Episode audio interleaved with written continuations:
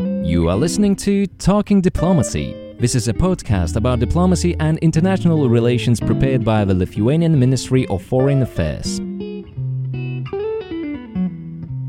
Early this spring, professionals of various fields came to Lithuanian capital to discuss the issues related to traumas of an undigested past. In a conference organized by the Ministry of Foreign Affairs, experts from Europe, Asia, and America were sharing their insights on how different societies are dealing with past traumas.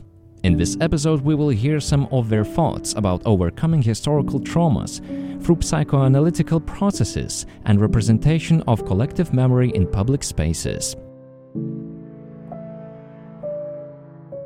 One of the big questions is, especially in decolonization processes or mass occupation that has come over years, what do you do with all of your statues? What do you actually do with all of these residual monuments?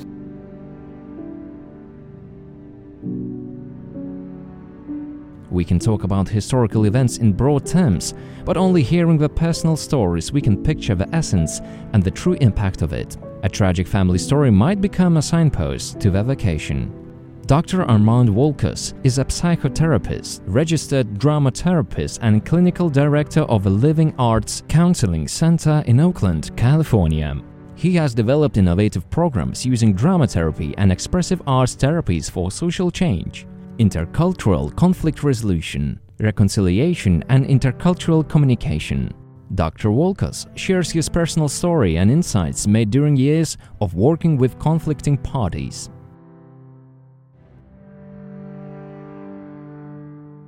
In 1995, 50 years after the end of World War II, I made a pilgrimage to Auschwitz concentration camp where both of my parents were imprisoned uh, for more than two years. I saw Block 10, where sterilization experiments had been performed on Jewish women, including my mother, by the infamous Dr. Clauberg. I visited the location where my father had worked processing the confiscated clothes, shoes, and other belongings of people sent to uh, labor camps or to their death by the Nazis. I viewed the gas chambers in the adjacent Birkenau concentration camp, I wandered around the area they call the burning fields. At a certain point in the war, or at the end of the war, there were so many transports bringing in Jews to be exterminated that the gas chambers were operating 24 hours a day. The crematoria could not dispose of the corpses fast enough the Nazis ordered the camp inmates to create huge mountains of bodies and set them on fire. The bodies burned for weeks. The ashes were put in the nearby ponds and spread around the surrounding terrain. What struck me most, wandering around the former burning fields in the summer of 1995, was the fact that they were alive with the most beautiful wildflowers I had ever seen. I was moved by the way that nature was able to transform the results of such horror into beauty. This transformative principle guides my work as a psychotherapist, drama therapist, and theater director. In 2016, a group of 150 Albanians and Serbs are gathered in an ancient Ottoman Empire hammam bath, transformed into a makeshift theater. We are in the city of Prizren, near the southern border of Kosovo. The lighting is dim and shadowy. A young a Kosovar Serbian actress sinks to her knees in a playback theater enactment and, stricken with grief, expresses her longing for a lost uncle. The uncle is still missing 16 years after Kosovo's ethnic conflict ended in 1999 and is presumed dead. On stage, the Kosovar Albanian man sitting in what is called the teller's chair to her left watches mesmerized. It is his story that the actress is performing, and though he was unable to understand her words spoken in Serbian, he shares with the audience that she has captured the essence of his grief and pain. Through a healing the wounds of history drama therapy process, followed by a playback theater training and performance, the Serbian and Albanian youth play back the history of violence between ethnic Albanians and Serbs in Kosovo. Doing so encourages empathy, healing, and the creation of new narratives of peace building and the beginning of social transformation. Years after NATO intervened in Kosovo to halt violent inter-ethnic conflict, ethnic Albanians and Serbs live and work in communities separated geographically, linguistically, administratively, and psychologically. Drama therapy, uh, psychodrama, sociodrama, playback theater, and other action and expressive methods have the capacity to puncture the taboo against speaking to the enemy and unearth the ghosts lying in the graveyard of their unconscious. At the end of the evening, which was full of reenacted audience stories of the war, another audience member stood up and, in tears, asked the interethnic theater group assembled in front of her where have you been for the last 16 years? Healing the Wounds of History, which is what I call my method, is a drama therapy approach to intercultural conflict transformation and healing historical trauma in individuals, groups, and society. This work is about a search for meaning. It is about memory and remembering. It is about sharing personal story and being witnessed. It is about how trauma is passed from generation to generation. It is about working through and integrating the complex emotions that arise when we face history in a personal way. It is about exploring what happens when the personal and the collective come together, when one person's story becomes the story of an entire people. It is about grief and mourning. It is about remembering and honoring the dead. It is about acknowledging and owning the potential perpetrator in all of us. It is about building bridges between cultures. it, it is about uncovering and transforming self defeating historical narratives. It is about cultural and national identity and self esteem for humans have a need to feel positive about the tribe to which they belong. I was born in France to two Auschwitz survivors and resistance fighters who had managed to survive unspeakable trauma with their dignity intact. My mother was born in Poland and immigrated to France in the early 1930s. She was in the French resistance in Paris, was arrested, and sent to Block 10, where I mentioned uh, in Auschwitz, where sterilization experiments were performed on Jewish women. My father was, as I mentioned uh, before, was born in Jonava, Lithuania, and educated in Kaunas. He was uh, first a volunteer in the International Brigade and fought against Franco during the Spanish Civil War. Later, he parachuted behind the lines in White Russia and was a partisan for a year organizing resistance. My father was arrested and sent to Auschwitz. He became part of the underground there, where he devised the plan to help two people escape from the camp. After the war, my father learned that in 1941, all of the Jews of Jonava, which included my father's entire family, were made to dig their own graves and were then executed by the German Einsatzgruppen, and Lithuanian uh, collaborators.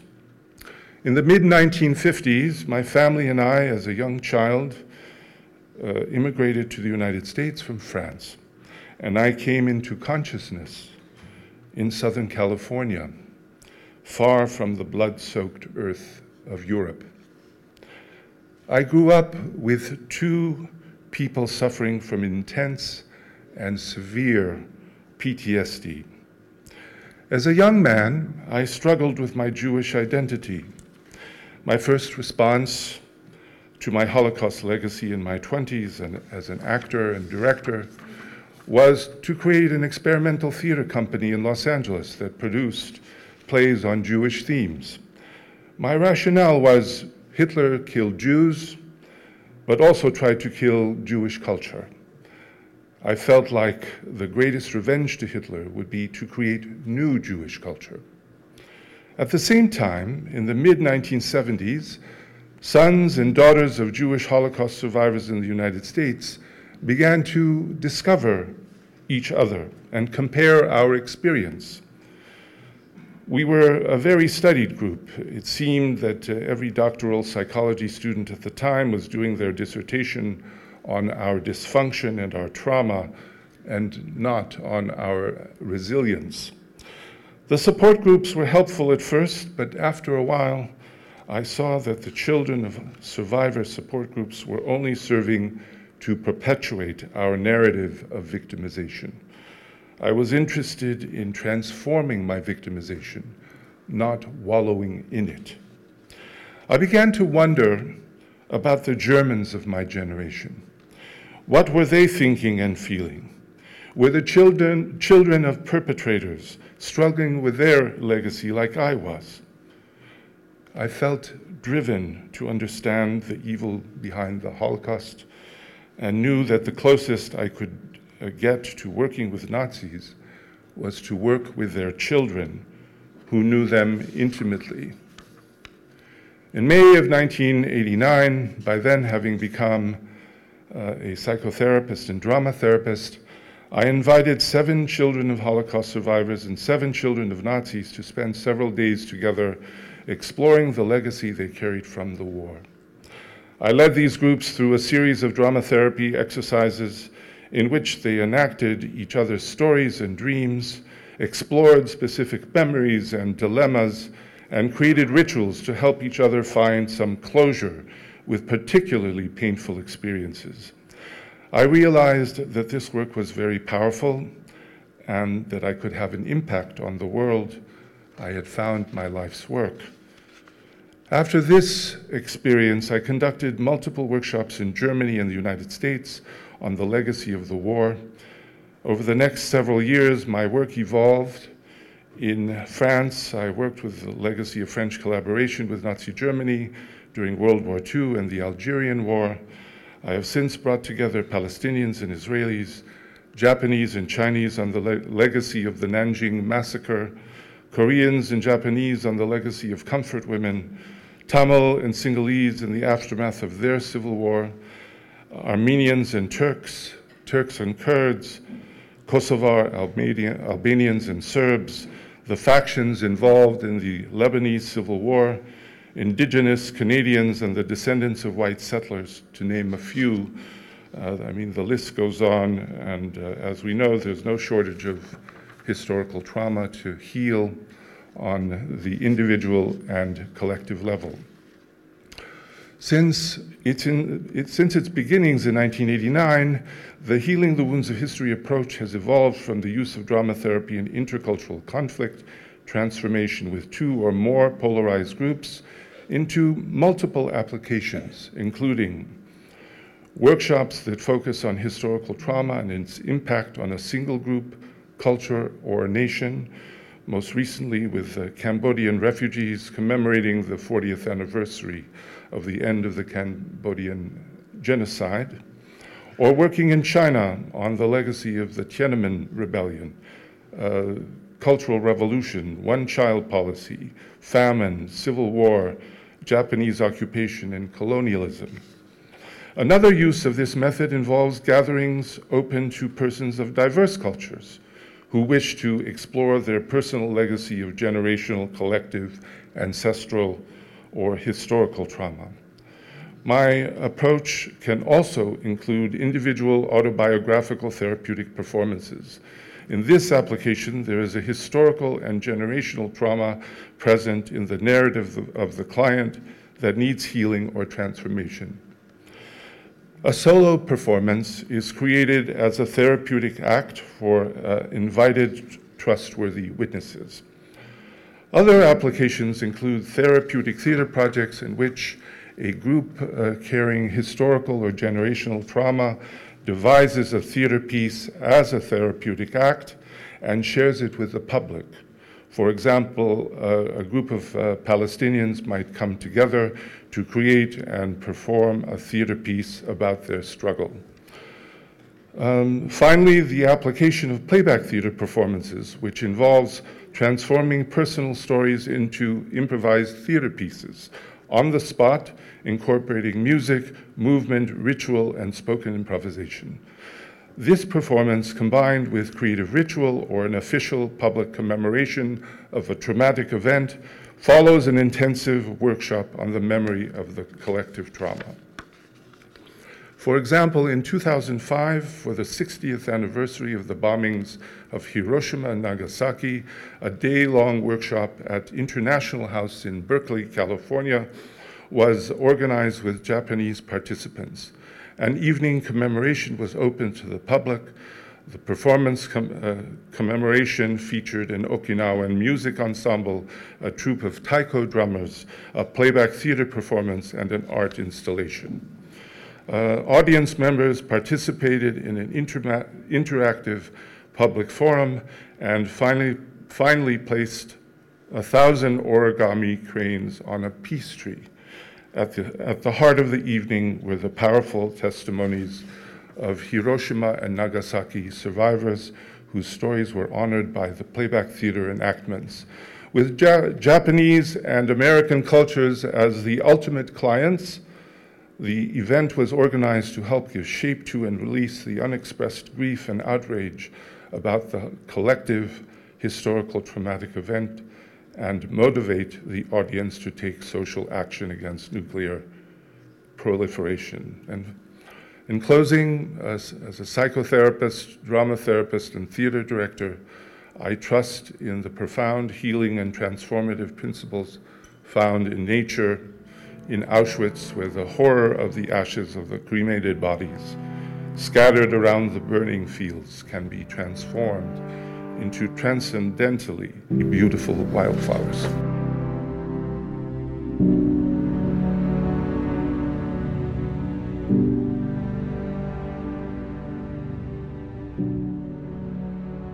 Transformation also marks the work of internationally renowned artist Esther Shalev Gerz. She investigates the construction of memory, history, the natural world, democracy, and cultural identities. Her monuments, installations, photography, video, and public sculpture are developed through active dialogue, consultation and negotiation with people whose participation provides an emphasis to their individual and collective memories, accounts, opinions, and experiences, which then become both represented and considered. During the conference in Vilnius, Esther Shalev told her story and discussed her transformative work, which constructs new memory and aims to spark a public debate.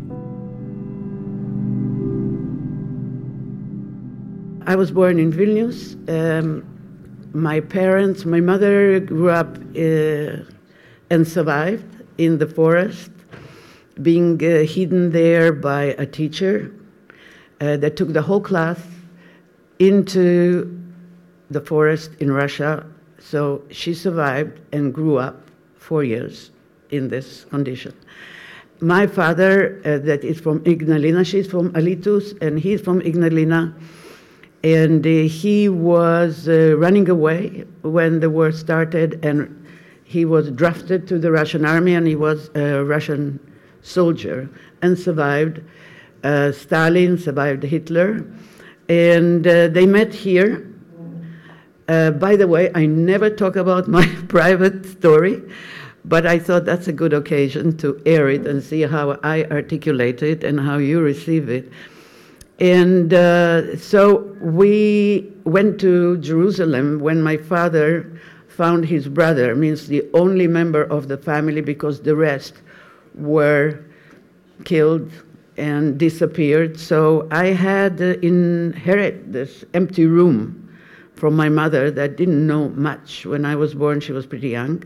She always said, You cried, I cried, father cried.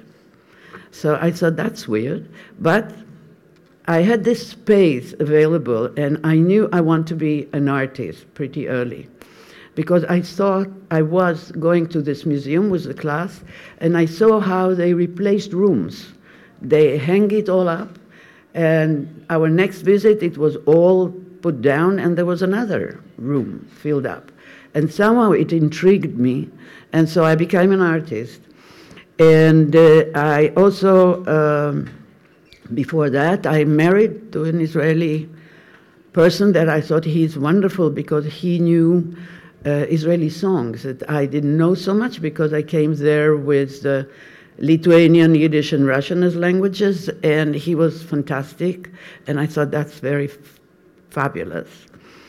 And uh, so after that, I started my practice as an artist, and at one moment, in 83, we were doing a big exhibition in the Golan, in, in front of the Golan Heights, and we were doing art.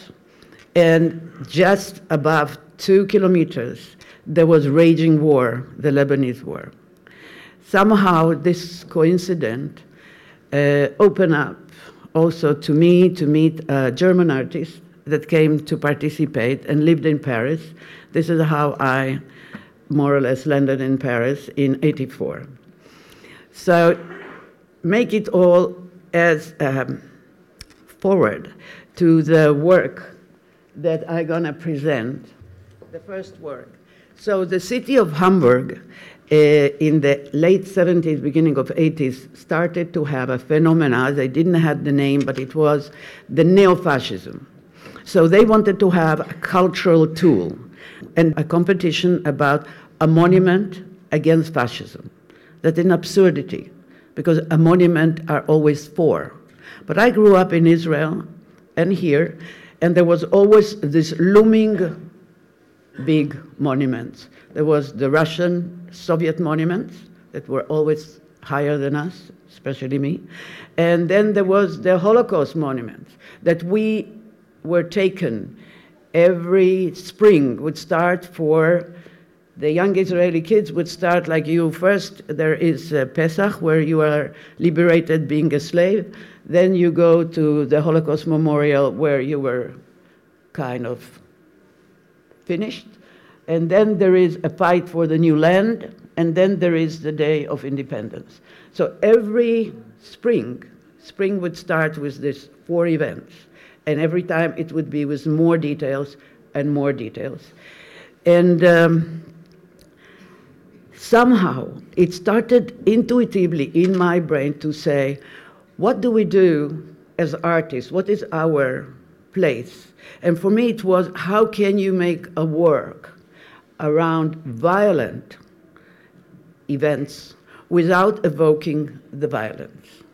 I think this is the art.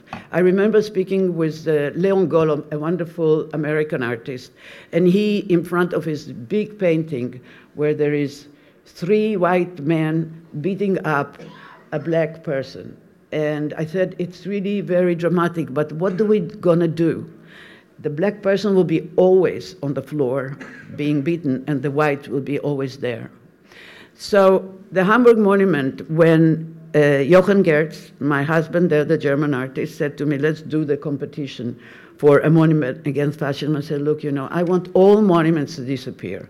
If we manage to do a monument that disappear, then I'm okay. So we made this proposal, and the proposal was accepted by the city. It's a 12 meters cubic, uh, and it's one meter by one meter covered with lead, inviting the citizen and the people that pass by with a text saying, please sign your name against fascism on it. Because a monument cannot fight against fascism. It's us, ourselves, that should do that. At the opening, it was horrible. The people hated the monument. And they said, why is it not this wonderful big lion with the name of victims? And why do we have to sign? And then they started to talk about fascism and what is fascism in the life. And I was amazed. It was scary, but it was fantastic because you saw those faces that finally cracked open and people with very clumsy words are trying to communicate and let themselves hear about it. There was a lot of journalists uh, asking how much it cost so much because the mechanism was pretty expensive. And the idea was every time it's filled up, where we can reach, it will be lowered into the ground. In the commission, they said, can we not start the other way around and do it like this, and then we'll have the object that we paid for? We said, no, no, no, no, no, no possible. We have to remember our act of signing or not signing. So it's about inaugurating a new memory. It, uh, so this is the panel of the text, the four text end of the war, uh, Hebrew because of me, Arabic because of Hebrew, and Turkish because of the Turks. So, what was actually the savior was the wall in Berlin that disappeared. And people started to say, oh, that's very interesting. Maybe because something disappeared can also be good. It's not only bad. And then the New York Times came, and till today, this work that actually was the first monument in Germany around fascism because the big discussion and the building of their monument in Berlin started uh, after the 90s. Uh, so I thought if in Israel we have so many monuments, in Germany there will be a hundred times more, but there were none. There was no discourse. There was some obscure places in uh, universities, but really there was none. So during these seven years, I would regularly come to Hamburg and have these discussions and have this journalist and have the politician talking about it. And somehow it energized also a lot of other artists. There is other beautiful works that were done by Micha Ullmann in Berlin. When you go at the, ta- at the place where the Jewish books were burned, and you look and you see a room underneath in the earth of empty library, and many more. Uh, in a way, for me, the biggest material is the earth. Is uh, uh, this thing that we actually don't look at. It's the thing we fight for, where we become kind of hero. This is kind of the place became the spot of discussions, of uh, reactions. Uh, people would put swastika, people tried to demolish it, people tried to put a heart and say, I love to. It was like a place that finally was you allowed to express yourself. So for me, I said anybody that touched it is actually in the context of that monument. Today, this is how it is. They wanted to have the monument in the park, usually the case. We said, no way. It should stand between the market and the way you go to the metro and you go to the mayor so people can see it, discuss it, and maybe it's not very sexy for the artist or the occasion, but at that time, I always say it's important. At that time, it was necessary to put it in the public uh, place. So uh, the courage of the deci- decisive bodies and the cultural bodies in, in Germany at that time was amazing. And I, I also think it's inspired a lot of discussion. And uh, today, a lot of people, when I give a talk, and I don't talk about this work because I have, I have many more, they say, oh, you should know about this monument against fascism. Because as other people that talked about monuments, they don't talk about the artists anymore, and we are not so important. But we are important about this kind of freedom that we gain by actually being allowed to realize a work in public space that makes a debate in a time you need a debate.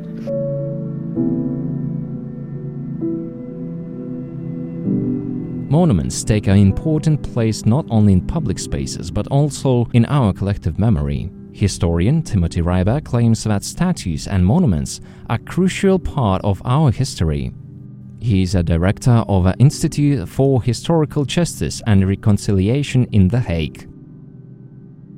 In some ways, um, these statues, the public monuments, are really a reification of human trauma and in some ways are the most visible expression of this historical trauma because they're in public spaces and we live with them every day. Um, for the last four years, we have been tracking historical contestations in public spaces, and we've identified 140 current hotspots in the world um, that, that are currently taking place our project was born out of an attempt to understand what one can do to find practical solutions for resolving these types of conflicts. Um, my first example is the Holocaust. Many of you know this is the memorial to the murdered Jews of Europe um, on the Potsdamer Platz in Berlin. Um, it was contested and controversial when it was built. It remains so. Um, we could spend the rest of the day talking about it. I have personal opinions about how effective or not this is, but I'd actually like to focus on another German form of commemoration for the Holocaust. Um, and that are these things called stumbling stones, Stolpersteine. There are to date 60 thousand of these Stolpersteine across Europe. It has been called the largest public memorial in the world. Um, the beauty, or the beauty, the power of this type of commemoration, these are stones, cobblestones, which are put in front of the houses where Jewish families had lived. And the narratives are very simple. It gives, says, here lives, there's Samuel Heim, the year he was born, when he was arrested, and then Sachsenhausen, where he was murdered. What one can do with, these, with this personalized view of the Holocaust, which is impossible in a large memorial, is that what you'll often see is that the child is in between both parents. Sometimes you'll see the dates when they were taken from the homes, and you see a family being picked apart day by day. Now, to my mind, the, the power of this is not only the individual um, experiences there, but the fact that it's woven into the fabric of daily life in Germany, in every German town, without it actually being imposed on it. You can look and study these stones if you want. You can ignore them if you feel your past has been left behind, but they exist and they are with you um, always, and I believe they will last as long as cobblestones, there are cobblestone streets in Germany. These Stolpersteine will be there. They're also scattered throughout Europe. With a little bit of searching, I also found two stumbling stones here in Vilnius, um, which as you begin exploring this, and I believe these are the only two, um, but it may be one way of thinking about how to engage with and deal with, with, these, with these traumas. Some past events will never leave us and will haunt the victims and perpetrators until we find the right way to acknowledge and make peace with it. Thank you for listening. We hope this episode provided a new angle at which we can think about the historical tragedies and the ways to digest them. Stay tuned for future episodes, and you can follow us on Facebook, Twitter, LinkedIn, and Flickr. Thank you.